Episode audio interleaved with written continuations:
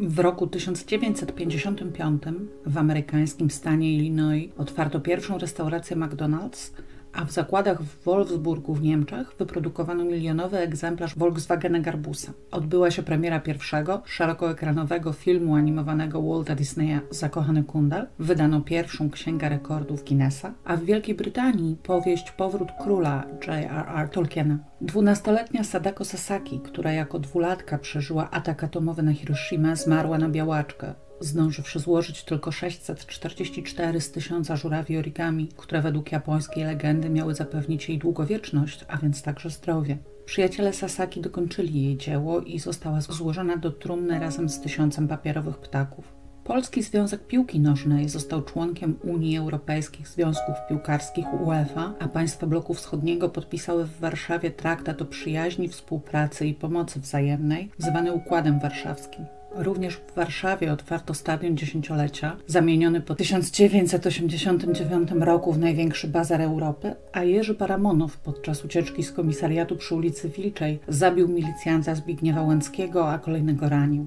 Powołano totalizator sportowy, a na świat przyszło najwięcej dzieci w całej historii Polski 793 800. W 1955 roku Kazimierz Tarwit miał 46 lat i cieszył się przyznanym rok wcześniej stanowiskiem profesora nadzwyczajnego Uniwersytetu Warszawskiego. Urodził się w 1909 roku w Pskowie, ukończył studia na Wydziale Biologii UW, po studiach podjął pracę w Państwowym Muzeum Zoologicznym. Począwszy od 1934 roku publikował prace naukowe na temat życia ochotkowatych, a następnie komarów i owadów z rzędu diptera, czyli pospolitych muchówek. Jego prace miały olbrzymie znaczenie dla rozwoju polskiej szkoły ekologii. W czasie okupacji kierował muzeum i jednocześnie wykładał zoologię na konspiracyjnym studium farmaceutycznym Uni Uniwersytetu Jagiellońskiego. W Powstaniu Warszawskim jako porucznik Antoni walczył w batalionie imienia Jana Kilińskiego. Po wojnie powrócił do pracy dydaktycznej i naukowej w Szkole Głównej Gospodarstwa Wiejskiego i na Uniwersytecie Warszawskim, gdzie uzyskał doktorat, habilitację oraz wspomnianą profesurę. Koledzy badacze szanowali go i uważali za zdolnego naukowca oraz świetnego organizatora, ale wielu wytykało mu, że wyraża się w sposób niejasny, niezrozumiały.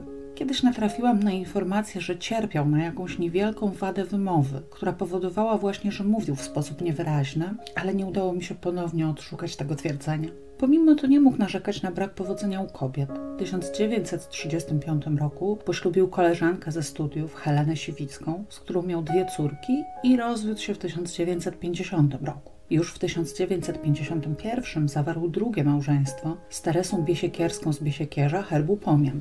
Teresa była obiecującym i powszechnie lubianym pracownikiem naukowym Szkoły Głównej Gospodarstwa Wiejskiego. Była też o dokładnie 20 lat młodsza od męża. W 1952 roku na świat przyszła ich pierwsza córka, Janina, a w 1954 druga, Agnieszka. Piątek 21 stycznia 1955 roku każde z państwa Tarwitów spędziło dzień przy swojej pracy naukowej. Kazimierz wygłosił referat poświęcony rocznej działalności zakładu, nad przygotowaniem którego pracował całą poprzednią noc. Teresa wykonywała swoje zwykłe zajęcia asystentki w zakładzie parazytologii, nauki o pasożytach, SGGW.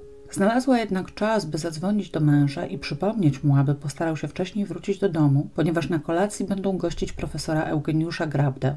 Kiedy Kazimierz wrócił, zastał już profesora Grabdę, który rozmawiał z Teresą w kuchni, podczas kiedy ich córeczki zasypiały w pokoju. Dowiedział się, że Teresa zatrzymała dłużej gosposię, która pomogła jej przygotować potrawy i cała trójka zasiadła do zastawionego kuchennego stołu. Wkrótce potem do ich drzwi zapukał niezapowiedziany gość, profesor Kazimierz Adamczewski, którego również zatrzymali na kolacji. Wieczór upływał w miłej atmosferze. Teresa była ożywiona i opowiadała gościom o pomyślnie zdanym egzaminie, który miał jej otworzyć drogę do obrony doktoratu. Drugim tematem poruszonym szerzej niespodziewanie okazał się cyjanek potasu. Kazimierz, siedząc już przy stole, wręczył żonie pokwitowanie na cyjanek, gdyż, jak wyjaśnił gościom, następnego dnia miał rozpocząć urlop w stacji badawczej PAN w Dziekanowie Leśnym, gdzie chciał badać faunę naśnieżną. Cyjanek potrzebny mu był do przygotowania zatruwaczek na owady, a jako, że nie mógł go dostać w macierzystym zakładzie ekologii, poprosił żonę o pożyczenie go ze SGGW. Teresa uchyliła wtedy drzwi do łazienki i pokazała gościom zapakowany w gazetę słoik stojący na wysokim parapecie, aby, jak powiedziała, dzieci go nie dosięgnęły. Wyjaśniła, że na SGGW również były kłopoty z zaopatrzeniem w tą substancję i po dłuższych poszukiwaniach znalazła ją dopiero w zakładzie weterynarii. Niestety jej jak zawsze roztargniony mąż zapomniał włożyć go rano do, teczki. Goście wraz z gosposią wyszli od Tarwitów około 21. Krótko potem przyszła mieszkająca zaledwie kilka domów dalej matka Kazimierza, pani Leontyna Tarwit. Przyszła tylko na chwilę i nie chciała nawet wejść do pokoju, aby popatrzeć na śpiące wnuczki, które, podobnie jak ich matka, nazywała małymi kobietkami. Chciała pożyczyć 300 zł, ponieważ bliska przyjaciółka siostry Kazimierza musiała pilnie wyjechać do Białego Stoku, gdzie ciężko zachorował jej ojciec. Pieniądze pani Leontynie wręczyła Teresa, a Kazimierz obiecał, że jeszcze tego samego wieczoru odwiedzi matkę. Gdy Tarwidowie zostali sami, rozmawiali nadal o egzaminie Teresy oraz o sprawach domowych. Według Kazimierza byli w stosunku do siebie zwyczajni, serdeczni. Teresa wciąż była w dobrym nastroju, choć w pewnym momencie powiedziała mu, że boli ją głowa i położyła się na tapczanie, prosząc go o proszek. Kazimierz wiedział, że tego dnia menstruowała. Ponieważ cierpiał na silne, nawracające bóle głowy, dlatego zawsze nosił proszki przeciwbólowe przy sobie w kieszeni kamizelki. Poproszony przez żonę wyjął jeden i podał jej wraz z filiżanką wody. Około 22 stwierdził, że jeśli ma iść jeszcze do matki, to już najwyższa pora. Teresa poprosiła go jeszcze, żeby nie wracał późno, więc obiecał jej, że będzie przed zamknięciem bramy. O ile dobrze pamiętam, w Warszawie bramy zamykano zwykle o 23. U matki nie zastał już przyjaciółki siostry, ale zwyczajnie zagadali się ze sobą i spędził u niej około godziny. Do domu wrócił parę minut po 23 i otworzył drzwi własnym kluczem. Teresa nie wyszła, aby go przywitać, jak zawsze robiła. W mieszkaniu panowała dziwna cisza. Już od drzwi Kazimierz zobaczył żonę, wciąż leżącą na tapczanie, nieruchomą. Kiedy podszedł do niej, okazało się, że jest nieprzytomna. Początkowo myślał, że po prostu zemdlała, próbował ją odcucić, a wobec braku rezultatu zastosował sztuczne oddychanie. Teresa była bardzo blada, miała wilgotną twarz, a kiedy chciał ją wygodniej ułożyć, odkrył, że jej ciało jest niezwykle ciężkie. Pobiegł do mieszkania sąsiadów, którzy mieli telefon i zaczął się do nich dobijać. Sąsiadka, pani M., bardzo lubiła profesorową i kiedy dowiedziała się, że ta zasłabła, obiecała, że sama wezwie pogotowie, aby profesor mógł czuwać przy żonie. Po wykonaniu telefonu poszła do mieszkania Tarwidów, aby uspokoić Kazimierza i zobaczyła Teresę leżącą na tapczanie, nieprzytomną, kompletnie ubraną, nawet w gospodarskim fartuchu, jakby dopiero przed chwilą oderwała się od domowych obowiązków. Maleńkie mieszkanie było rzęsiście oświetlone, a w łóżeczkach obok tapczanu nadal spały małe kobietki. Pani M zaproponowała, aby profesor zszedł na dół i tam czekał na karetkę, a ona zostanie przy Teresie. Tak też się stało. Co prawda potem Kazimierz twierdził, że pomiędzy telefonem pani M a przyjazdem pogotowia upłynęło zbyt dużo czasu, ale pani M zaprzeczyła, mówiąc, że były to tylko minuty. Po tym czasie profesor wrócił do mieszkania z lekarzem, który zaczął pytać, co się stało, ale wtedy Kazimierz poinformował go, że nie wie, gdyż nie było go w domu. Lekarz spróbował zbadać tętno Teresy, ale go nie znalazł. Przystąpił więc do wykonania obowiązującej wówczas tak zwanej próby laku. Kropla gorącego laku nie zostawiała śladów uparzeń na skórze martwego człowieka. Kiedy nie pozostawiła żadnych śladów na piersi Teresy, stało się jasne, że młoda pani Darwit nie żyje. Sąsiadka zapamiętała, że kiedy lekarz stwierdził zgon Teresy, Kazimierz stał u jej wyzgłowia i miał nieruchomą, twardą twarz. Był spokojny ale, jak sama stwierdziła, on zawsze był spokojny. Kiedy towarzyszący lekarzowi sanitariusz, pakując walizkę lekarską, opuścił jej wieko, odsłonił mały słoik stojący na komodzie. Kazimierz szybko podszedł i wziął go do ręki. Sam, niepytany, powiedział lekarzowi, że to cyjanek. Kiedy lekarz się zdziwił, profesor wyjaśnił, że tak, miał w domu cyjanek, ale nie ma pojęcia skąd się wziął na komodzie w pokoju. Wtedy lekarz polecił wezwać milicję i zabronił zbliżyć się do ciała Teresy. Owym zdecydowanym lekarzem był Witold Mazurowski, w późniejszych latach profesor, jeden z najwybitniejszych polskich neurochirurgów. Kazimierz pozostawił zaspane córeczki u sąsiadki i poszedł ponownie do matki, aby powiedzieć jej, co się stało, po czym wraz z siostrą próbował się skontaktować z teściową, aby poinformować ją o śmierci córki. Kiedy nie, nie udało się jej obudzić, poprosił siostrę, aby ona rano ją zawiadomiła, powiedziała o konieczności odebrania wnuczek od sąsiadki. Początkowo pani Jadwiga Biesiekierska była przekonana, że Teresa zmarła na młodzieńczy zawał serca. W związku z tym odwołała swój odczyt, który miała wygłosić 22 stycznia w Rogowie i czekała w swoim mieszkaniu na ulicy Piwnej na zięcia. Kazimierz jednak nie przyszedł. Potem twierdził, że bał się reakcji pani Jadwigi, która córkę kochała ponad wszystko inne na świecie. Ustalono jednak, że relacje pomiędzy Kazimierzem a jego teściową były dość napięte. Pani Jadwiga obwiniała go bowiem, że za mało czasu poświęca żonie i dzieciom, a śmierć Teresy zaostrzyła tę niechęć. W sobotę 22 stycznia Kazimierz Tarwit został przesłuchany w charakterze świadka. Opisał szczegółowo przebieg poprzedniego wieczora, nie umiał jednak odpowiedzieć na pytanie, co mogłoby być przyczyną śmierci jego żony. Podkreślił, że nie ma pojęcia, w jaki sposób słoik cyjanku znalazł się przy jej ciele. Wykluczył też, jakoby Teresa mogła popełnić samobójstwo. Jego zdaniem wydarzył się jakiś tragiczny wypadek, którego nie umiał wytłumaczyć. Dopiero w niedzielę profesor pojechał do pani Jadwigi. Zapytany przez nią, co się stało, wyjaśnił, że w domu był cyjanek, ponieważ poprosił żonę o przyniesienie go do produkcji zatruwaczek. Teściowa wówczas zaczęła na niego krzyczeć, czemu pozwolił na przyniesienie trucizny do maleńkiego mieszkania, gdzie są dzieci, ale Kazimierz nie umiał tego wyjaśnić. Kazimierz nie pozwolił zabrać z mieszkania żadnego jedzenia dla córek, motywując swoją decyzję tym, że może być zatruta. Dziewczynki pozostały już u babki. W pierwszym okresie po śmierci Teresy ojciec odwiedzał jej niezbyt regularnie, ale potem zaczął to robić częściej. Wyniki sekcji zwłok potwierdziły, że przyczyną śmierci Teresy Tarwit było zatrucie cyjankiem potasu. Prokuratura odrzuciła możliwość nieszczęśliwego wypadku i prowadziła śledztwo w kierunku ustalenia, czy doszło do zabójstwa, czy było to samobójstwo. W toku śledztwa ustalono więcej faktów na temat sytuacji rodzinnej i zawodowej zmarłej. Teresa Bisiekierska, studentka czwartego roku zoologii, poznała docenta Kazimierza Tarwida na badaniach terenowych nad jeziorem Dróżno w lecie 1950 roku. Teresa interesowała się szczególnie życiem ślimaków i Tarwit udzielał jej wielu wskazówek na temat prowadzenia prac badawczych. Teresa zwróciła jego uwagę zamiłowaniem naukowym i poświęceniem dla pracy badawczej i to stało się przyczyną powstania ich przyjaźni. Z czasem zaczął jej poświęcać wyraźnie więcej czasu niż innym studentom. Teresa od początku wiedziała, że Kazimierz był już raz żonaty i rozszedł się z żoną. Nie przeszkadzało jej to. Początkowa przyjaźń dwojga naukowców szybko przekształciła się w głębsze uczucie i wkrótce podjęli decyzję o małżeństwie. Matka Teresa, poinformowana przez córkę o tym planie, przyjęła go życzliwie i Kazimierz mógł swobodnie składać wizyty narzeczonej w mieszkaniu pani Jadwigi. Ślub wzięli w 1951 roku i rok później przyszła na świat ich starsza córka, Janina. Mimo to wciąż nie mieli mieszkania. Kazimierz mieszkał na uniwersytecie, a Teresa u matki. Panią Jadwigę, również przecież pracownika naukowego, płacz niemowlęcia drażnił, a rozdrażnienie było powodem niechęci do zięcia, który nie umiał załatwić dla rodziny mieszkania. Stan ten trwał przez trzy lata. W międzyczasie przyszła na świat druga mała kobietka, Agnieszka, a państwo Tarwidowie zamieszkali razem dopiero w 1954 roku i to też niekoniecznie w mieszkaniu. Trudno bowiem mieszkaniem rodziny z dwójką dzieci nazwać pokoik o powierzchni 10 m2 i maleńką kuchnię, co z tego, że przy już wówczas prestiżowej ulicy Nowy Świat Michalina P., gosposia Tarwidów, zajmująca się w ciągu dnia ich dziećmi, nadal mieszkała na Piwnej u pani Jadwigi, a tylko dnia spędzała u swoich chlebodawców. Teresa, pomimo obowiązków domowych i macierzyńskich, nie zaniedbywała działalności naukowej.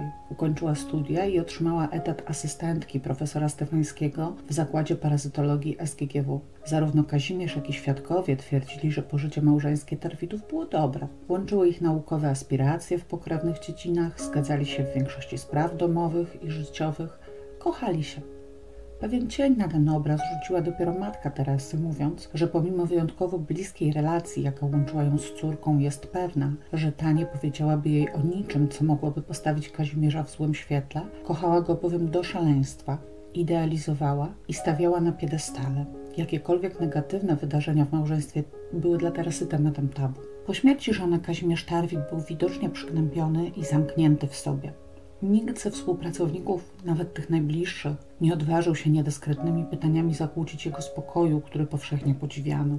Nawet jego matka, pani Leontyna Tarwidowa, nigdy nie zapytała o szczegóły śmierci Teresy, przyłączając się do otaczającego syna kręgu współczucia i rezerwy. Niektórzy jednak wyłamali się z tego kręgu i zaczęli głośno wspominać, że trochę za często widują zrozpaczonego wdowca z jego ładną, jasnowłosą asystentką Elizą Dąbrowską i w zasadzie to widywali te parę razem jeszcze za życia Teresy. Podobno niektórym kolegom już jakiś czas po jej śmierci Kazimierz zwierzył się nawet z małżeńskich planów w stosunku do panny Elizy, ale wobec ich pełnej rezerwy postawy szybko się z tych deklaracji wycofał. Nie wiadomo, czy prokuratura dotarła wówczas do tych rewelacji, ponieważ w lipcu 1955 roku postępowanie w sprawie śmierci Teresy Tarwit umorzono z braku dowodów. Nie zatrzymało to jednak fali plotek dotyczących romansowej natury Kazimierza. Skutecznie podsycała je jego pierwsza żona, która najwyraźniej wciąż chowała do niego silną urazę, gdyż sporządziła i przekazała prokuraturze jeszcze w trakcie śledztwa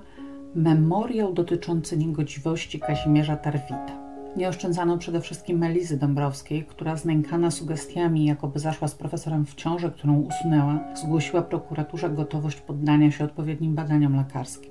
Do tego doszły szeptane na ucho rewelacje, jakoby nocami w zakładzie ekologii odbywały się orgie seksualne.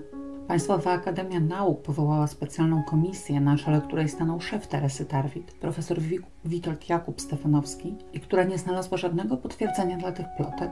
Ustaliła jedynie, że ich twórcami był pewien profesor skonfliktowany z Kazimierzem na gruncie naukowym oraz sprzątaczka zakładu. Zdarzały się zarówno plotki absurdalne, jak ta, że Teresa była nie drugą, a trzecią żoną Kazimierza, zaś pierwsza również zmarła w niewyjaśnionych okolicznościach, oraz zwyczajnie podłe, o jego współpracy z Niemcami podczas okupacji.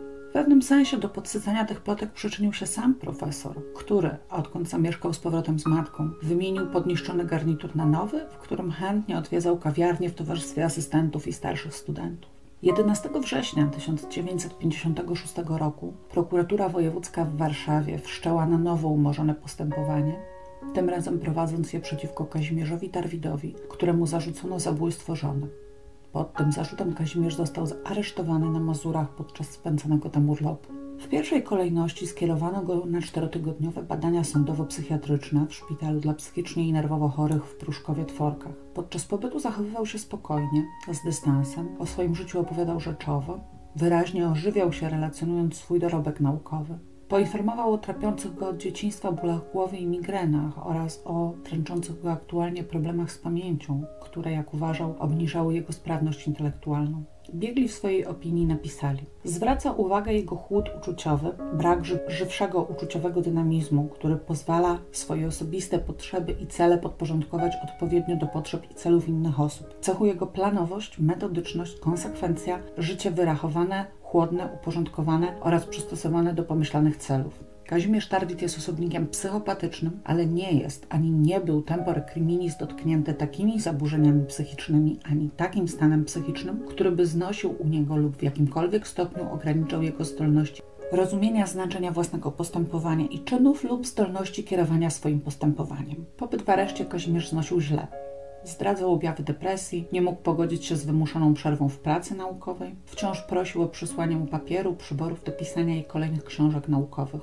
Złożył do prokuratora generalnego PRL-u zażalenie na swoje tymczasowe aresztowanie, ale nie zostało ono uwzględnione. Tymczasem rektor Uniwersytetu Warszawskiego wszczął przeciwko Kazimierzowi postępowanie dyscyplinarne i zawiesił go w czynnościach służbowych.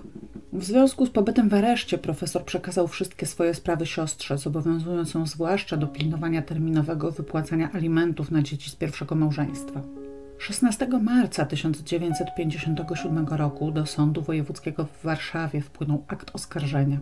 Teza prokuratury brzmiała następująco. Teresa Tarwit bez wątpienia zmarła na skutek otrucia cyjankiem.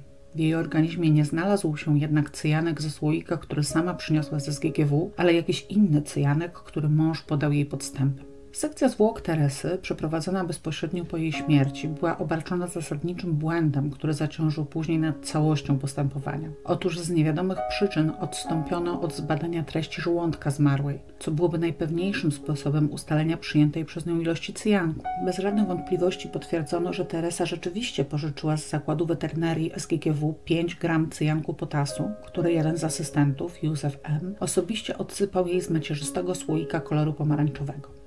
Na skutek nalegań Kazimierza, który nie chciał, aby ktoś poniósł odpowiedzialność za wydanie z uczelni niebezpiecznej trucizny, wystawione przez niego pokwitowanie zawiozła na SGGW jego siostra już w sobotę, 22 stycznia, następnego dnia po śmierci Teresy. Kiedy wątpliwości co do popełnienia przez Teresę samobójstwa nasiliły się, poddano badaniom zawartość słoika zabezpieczonego z mieszkania Tarwidów i ustalono, że pozostało w nim 3,46 grama trucizny, z czego wynikałoby, że Teresa zażyła 1,54 grama. 嗯。Czy mogła to być dawka śmiertelna? Słoik zawierał cyjanek o słabym stężeniu, częściowo już rozłożony. Zawartość czystego cyjanku wynosiła w nim jedynie 2,55%. Obliczono, że w 1,54 grama, jakich brakowało w słoiku z mieszkania Tarwidów, mogło się znajdować zaledwie 39 mg czystego cyjanku. Według specjalistów dawka śmiertelna dla człowieka to 100 do 150 mg. Co prawda większość autorytetów, w tym profesor Grzywo-Dąbrowski, podnosiła, że nie można oznaczać dokładnej dawki śmiertelnej ze względu na różnice w przyswajaniu trucizny przez organizmy w różnym stanie fizycznym. Ale różnica pomiędzy ilością 39 a 100 mg wydawała się być wystarczająco wysoka. Przeprowadzono próby na zwierzętach, które potwierdziły, że nawet niewielkie psy po przyjęciu dawki od 39 mg do nawet dwukrotnie większej doznawały tylko przejściowych zaburzeń i szybko wracały do zdrowia. Zachodziła potrzeba stwierdzenia, jaką ilość cyjanku faktycznie przyjęła Teresa. Ze względu na brak badania treści żołądka okazało się to bardzo problematyczne. Magister Jan Kubalski, który, jak zrozumiałam, przeprowadził sekcję jej zwłok, nie tylko zaniedbał to badanie, ale nawet nie sporządził protokołu sekcji, zlecając to swojemu asystentowi. W związku z osobą magistra Kubalskiego mam spory problem. Co do zasady, sądowo-lekarską sekcję zwłok przeprowadza przecież lekarz. Obecnie medycyny sądowej, ale w latach 50. mogły być z tym pewne trudności. Z uwagi na odbudowywanie się dopiero struktur akademickich po wojnie, zakładam jednak, że nadal byłby to lekarz. Tymczasem według źródeł, do których dotarłam, pan Kubalski był magistrem farmacji. Dlaczego sekcjonował Teresę Tarwit, a potem jako biegły prowadził badania preparatów z jej ciała, pozostaje dla mnie zagadką. Po początkowej odmowie stwierdzenia ilości przyjętej przez młodą kobietę trucizny, pan magister zmienił zdanie i podjął się oznaczenia jej ilości na podstawie resorpcji cyjanku przez jej wątrobę i mózg. Od razu zdewaluowało to wyniki badania, gdyż było wiadomo, że cyjanek w mózgu rozkłada się nierównomiernie, w zależności od stopnia jego ukrwienia. Trudno więc będzie na podstawie jedynie wycinka wyciągnąć wnioski co do całości. Według badań Gettlera i Blaina opublikowanych w The American Journal of Medical Science 70% cyjanku pozostawało w żołądku, zaś 30% przenikało do innych organów. Na podstawie tej teorii oraz zawartości cyjanku w próbkach wątroby i mózgu Teresy, magister Kubalski obliczył, że musiała ona zażyć 1500 mg trucizny, a więc 15 razy więcej niż wynosiła najniższa dawka śmiertelna oraz 40 razy więcej niż mogło się znaleźć w ilości proszku brakującego w słoiku znalezionym w domu profesorostwa. Stało się więc jasne, że przy uznaniu wyliczeń magistra Kubalskiego za prawidłowe, Teresa nie mogła się otruć cyjankiem, który sama poprzedniego dnia przyniosła do domu z pracy. I wtedy właśnie wybuchła prawdziwa bomba. Otóż asystentka profesora Terwita zeznała, że w dniu 20 stycznia, tego samego dnia, kiedy Teresa przyniosła cyjanek z SGGW i na dzień przed jej śmiercią, profesor poprosił ją o cyjanek potasu do zatruwaczek na owady. Przyniosła mu więc słoik zawierający czystą, nierozłożoną truciznę. Profesor wziął słoik, zamknął się z nim na godzinę w gabinecie, po czym zwrócił asystentce informując, że przygotował zatruwaczki. Zwrócił jej także uwagę na to, że źle przechowuje truciznę. Prokurator stanął na stanowisku, że poproszenie Teresy o cyjanek było działaniem zaplanowanym, bo Kazimierz chciał, aby w domu był cyjanek atrapa służący do upozorowania samobójstwa żony. Nie przewidział jedynie, że ten ze SGGW będzie rozłożony, a dawka, jaką dla niej przeznaczył jako samobójcza, nie okaże się śmiertelna. Sam profesor odniósł się do tej rewelacji spokojnie, wyjaśniając, że nie powiedział Teresie, że już nie potrzebuje cyjanku, aby nie robić jej przykrości. Poświęciła w końcu dużo starań, aby zdobyć dla niego truciznę. Nie zamierzał jej narażać na zwrot zdobyczy. Poza tym cyjanek, który mu przyniosła, zamierzał wykorzystać do innych prac badawczych. Nawet od razu włożył go do teczki, ale Teresa nie pozwoliła, aby trucizna znajdowała się nawet tylko przez noc w pokoju mieszkalnym, w którym przebywały dzieci i wyniosła słoik do łazienki. Nazajutrz zaś nie przypomniała mężowi o jego zabraniu i dlatego tragicznego wieczoru słoik wciąż znajdował się w jej domu. Według wersji prokuratury Kazimierz Tarwit, przebywając w pracy w Zakładzie Ekologii Polskiej Akademii Nauk, przysypał otrzymany tam od asystentki cyjanek do opłatka, a kiedy po wyjściu gości żona poprosiła go o proszek na ból głowy, podał jej filiżankę wody i truciznę. Skoro udowodniono już słabą moc cyjanku ze SGKW, powstało pytanie, jaką moc miał ten z zakładu ekologii. Co prawda asystentka, która go przechowywała, twierdziła, że był on słaby, częściowo rozłożony i nie truł owadów skutecznie, ale inni świadkowie zgodnie zaprzeczyli, twierdząc, że była to trucizna niezwykle silna, o mocy 97,7%. W takim stężeniu nawet najmniejsza ilość trucizny byłaby śmiertelna. Z niewiadomych powodów w trakcie śledztwa nie zbadano jednak cyjanku z tego konkretnego słoika, z którego skorzystał Tarwid, lecz cyjanek będący w posiadaniu innych asystentów zakładu. Za winą Tarwida miał również, zdaniem prokuratora, przemawiać fakt, że nie umiał on odpowiedzieć na pytanie, co zrobił z zatruwaczkami sporządzonymi 20 stycznia. Nie wykorzystał ich, ponieważ śmierć żony pokrzyżowała jego plan wyjazdu na badania do Dziekanowa. Kazimierz twierdził, że nie pamięta, co z nimi zrobił i podał nazwiska dwóch asystentek, którym prawdopodobnie je przekazał. Obie jednak zaprzeczyły, jakoby kiedykolwiek je wzięły. Krótko po śmierci Teresy zakład ekologii przeniósł się do nowej siedziby i zatruwaczki mogły zaginąć w zamieszaniu związanym z przeprowadzką, co jednak nie przeszkodziło prokuraturze utrzymywać, że tak naprawdę nigdy nie powstały. Za kolejną poszlakę przeciwko profesorowi uznano znaleziony w jego mieszkaniu podręcznik toksykologii Syngalewicza.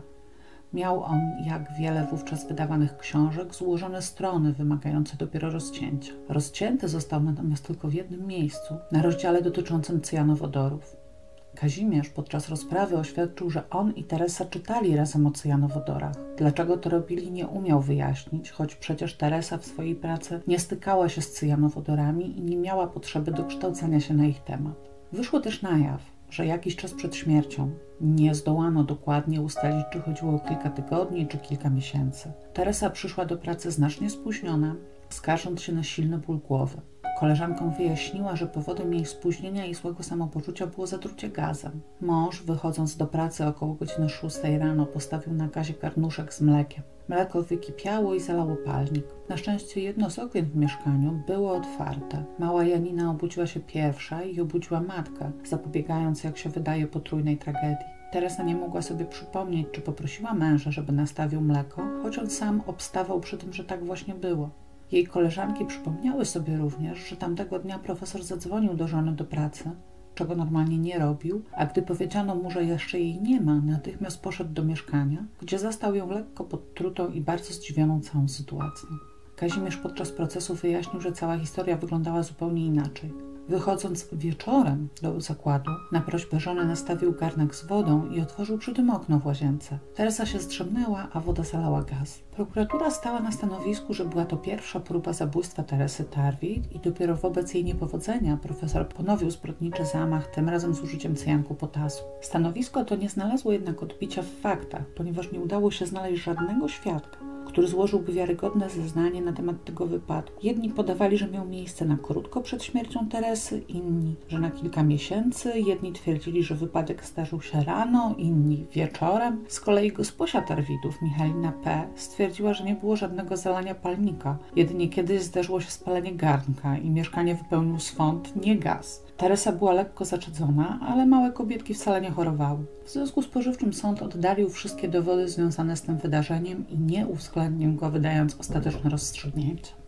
Natomiast w ostatecznym rozstrzygnięciu sąd musiał uwzględnić kwestię motywu. Otóż prokuratura założyła, że Kazimierz Tarwit, człowiek znany i szanowany naukowiec, zabił swoją młodą, kochającą żonę, również naukowca, ponieważ chciał się związać z inną młodą kobietą, kolejnym naukowcem. O zażyłości Kazimierza i jego asystentki Elizy Dąbrowskiej zaczęto plotkować mniej więcej na pół roku przed śmiercią Teresy, a więc w okresie wakacji 1954 roku. Trudno nie zauważyć, że bardzo podobnie wyglądał początek znajomości państwa Terwidów. Poznali się na obozie naukowym i zaprzyjaźnili z powodu wspólnej naukowej pasji. Być może studenci i pracownicy naukowi pamiętali to jeszcze dobrze, bo po uczelni zaczęły szybko krążyć karykatury przedstawiające profesora i jego asystentkę łapiących razem komary. Jednak do prawdziwego zbliżenia pomiędzy tą dwójką doszło dopiero około pół roku po śmierci Teresy, a więc rok po poznaniu się. Panna Eliza zerwała wtedy z innym adoratorem, z którym spotykała się od dłuższego czasu i zaczęła otwarcie afiszować się ze swoją znajomością z wdowcem. Ona także wspominała o ślubnych planach. Ich związek przerwało, a w zasadzie zakończyło aresztowanie profesora. Po zakończeniu jego pobytu w areszcie już nie wrócili do dawnej zażyłości. Według prokuratury panna Eliza była osobą ambitną i nie chciała się zgodzić na rolę kochanki. Do tego wciąż spotykała się z innym mężczyzną, który od samego początku deklarował w stosunku do niej poważne zamiary. Kazimierz musiał więc podjąć szybkie, zdecydowane działanie, jeśli chciał zdobyć dziewczynę dla siebie. Fakt, że najwyraźniej zdobył ją dopiero po kilku miesiącach od zamordowania żony, a więc być może na drodze naturalnego rozwoju tej znajomości, zdawał się nikomu nie przeszkadzać w podtrzymywaniu oskarżenia. Tylko czy faktycznie jedyną drogą do zdobycia nowej partnerki było dla Kazimierza otrucie poprzedniej? W końcu już raz rozwiódł się z kobietą, z którą miał dwójkę małych dzieci. Jego najstarsza córka przyszła na świat w 1944 roku, a już w 1950 był po rozwodzie z pierwszą żoną i interesował się Teresą. Nic przecież nie stało na przeszkodzie, aby ponownie złożył do sądu wniosek o rozwiązanie małżeństwa. Tym bardziej, że mógł mieć pewność, że ambitna i gloryfikująca go Teresa, mająca do tego oparcie w swojej silnej, asertywnej matce, prędzej uniesie się honorem i jak najszybciej rozpocznie samodzielne życie, niż będzie mu utrudniać uzyskanie rozwodu. Rozważając wersję potencjalnego samobójstwa Teresy, sąd przyjął, że nie mogła się go dopuścić we własnym domu, w pokoju, w którym spały jej dzieci, zaledwie centymetry od ich łóżeczek. Ponadto prokuratura, a w ślad za nią sąd przyjęli, że Teresa nie wiedziała o plotkach łączących jej męża z inną kobietą, a jeśli nawet wiedziała, nie przywiązywała do nich wagi. W sobotę miała odprowadzić matkę na dworzec przed wyjazdem do Rogowa. Planowała już, co poda na niedzielny obiad, przygotowywała sukienkę na obronę pracy doktorskiej, a dzień po jej śmierci nadeszła przesyłka z książkami, które zamówiła. Były to kształcenie woli dzieci, dobra gospodyni oraz dziwiarstwo ręczne. Najwyraźniej Teresa miała swoje plany i była skoncentrowana na zbliżających się wydarzeniach rodzinnych i zawodowych. Tyle tylko, że przynajmniej jeśli chodzi o nieświadomość Teresy co do plotek o romansach jej męża, założenie prokuratury było błędne. Co prawda Teresa była skryta, ale jeden, jedyny raz nie wytrzymała i zwróciła się do serdecznej koleżanki z pracy. Ludzie mówią, że Kazik mnie zdradza, to dlatego, że chcą mu zaszkodzić. Ale czy ty może słyszałaś, że mnie zdradza z tą rudą? Ksiądz Józef Szuleta, spowiednik Teresy, oświadczył, że była ona impulsywna i skłonna do podejmowania decyzji pod wpływem chwili. Była też ambitna i skryta. Gdyby coś nie szło po jej myśli, potrafiłaby tego nie okazać. Ksiądz Szuleta uważał ją, pod pewnymi warunkami, za osobę zdolną do targnięcia się na swoje życie. Proces Kazimierza Darwida rozpoczął się 26 kwietnia 1957 roku. Oskarżycielem był prokurator Bogusław Miernik, obrońcami oskarżonego adwokaci Mieczysław Maślanko, Edmund Biejat i Halina Krzysztofowicz. Postępowanie dowodowe trwało 12 dni. Przesłuchano 10 biegłych i 60 świadków. 27 maja 1957 roku Sąd Wojewódzki w Warszawie pod przewodnictwem sędziego Edwarda Osmulskiego uznał Kazimierza Terwida winnym i wymierzył mu karę 15 lat bezwzględnego pozbawienia wolności. Sąd stanowczo wykluczył zarówno wersję nieszczęśliwego wypadku, jak i samobójstwa Teresy, uznając, że jej usposobienie i plany życiowe wskazywały na to, że nie mogła ona dokonać zamachu na swoje życie. Stosunkowo niski wymiar kary sąd uzasadnił okolicznościami łagodzącymi w postaci dorobku naukowego Kazimierza i jego nienagannej postawy w czasie okupacji hitlerowskiej. 1 lutego 1958 roku Sąd Najwyższy uchylił ten wyrok i przekazał sprawę do ponownego rozpoznania, mając dużo zastrzeżeń zarówno do ekspertyz biegłych, jak i do niektórych zeznań świadków. Drugie postępowanie w pierwszej instancji rozpoczęło się w październiku 1958 roku. Tym razem sprawę rozpatrywał pięcioosobowy skład dwóch sędziów zawodowych i trzech ławników. Składowi przewodniczył wiceprezes Sądu Wojewódzkiego w Warszawie, sędzia Ludwik Reskę. Ponownie oskarżał prokurator Miernik wraz z prokurator Mareszowy. Wśród świadków obrony znalazła się ponownie panna Eliza, tym razem jednak zeznająca już pod innym nazwiskiem, gdyż w międzyczasie wyszła za mąż. W listopadzie zapadł kolejny wyrok dożywotnie pozbawienie wolności. W uzasadnieniu wyroku sąd ponownie odrzucił możliwość popełnienia przez Teresę samobójstwa, innymi na podstawie nienaturalnej pozy, w jakiej ją znaleziono. Otóż zdaniem sądu leżała zbyt spokojnie, co wskazywało na śmierć nagłą na skutek przyjęcia trucizny w wysokim stężeniu podanej przez męża, bo gdyby sama zażyła słabszy cyjanek ze słoika znalezionego na komodzie, jej śmierć musiałaby być poprzedzona jakimikolwiek oznakami choroby. Ponadto sąd zauważył, że Teresa nie miała powodu, by prosić męża o proszek od bólu głowy, skoro proszki przeciwbólowe znajdowały się w szufladzie tej samej komody. Najwyraźniej to Kazimierz, podstępem, opętany rządzą zdobycia panny Elizy, nakłonił ją do przyjęcia trucizny z jego ręki. Wyrok nie zapadł jednomyślnie. Ławnicy Maria Wawrowska i Bogusław Lubański złożyli wotum separatum, uważając, że Kazimierz Tarwit powinien zostać uniewinniony od zarzutu zabójstwa swojej żony. W uzasadnieniu swojego zdania odrębnego podnieśli oni, że ani z materiału dowodowego, ani z ekspertyz biegłych nie wynikało w sposób niebudzący wątpliwości, że Teresa Tarwit zmarła na skutek zażycia cyjanku innego niż ten, który sama przyniosła do domu. Badania przeprowadzone przez magistra Kubalskiego miały bowiem charakter eksperymentalny, były oparte jedynie na jednej publikacji w prasie fachowej, a nie na uznanej metodzie badawczej. Stwierdzili ponadto, że Teresa borykała się z wieloma konfliktami i przykrościami, a osoba asystentki profesora, która w chwili zabójstwa spotykała się z innym mężczyzną, a w związek z profesorem weszła dopiero po kilku miesiącach, nie może być brana pod uwagę jako motyw zabójstwa. Obrońcy Kazimierza Terwita wciąż ci sami adwokaci Maślanko, Biejat i Krzysztofowicz ponownie wnieśli od wyroku rewizję do Sądu Najwyższego, tym razem szczególnie mocno atakując niekorzystne dla niego opinie biegłych, a zwłaszcza opinie i wyniki badań magistra Kubalskiego. Sąd Najwyższy, którego trzyosobowemu składowi przewodniczył sędzia Czajkowski, założył, że zasadą w sprawach poszlakowych a taką była niewątpliwie sprawa profesora Terwida, jest, iż poszlaki muszą nie tylko pozostawać w zgodności z hipotezą winy oskarżonego, ale także stać w sprzeczności z hipotezą jego niewinności. Tymczasem przedstawione w tej sprawie niemal wszystkie poszlaki można było interpretować zarówno na korzyść oskarżenia, jak i obrony. Sąd Najwyższy wobec wniosku obrońców oskarżonego pochylił się nad stwierdzeniem, że znajdujący się w mieszkaniu terwidów cyjanek był za słaby, aby brakująca w słoiku dawka mogła być dla kogokolwiek śmiertelna. Ustalił przy tym, że badaniom, w których stwierdzono znaczne rozłożenie substancji czynnej, poddano słoik znaleziony w domu Terwitów. Do badań przystąpiono około trzech tygodni po śmierci Teresy i okazało się wtedy, że cyjanek zabezpieczony zwykłym korkiem jest słaby i częściowo rozłożony.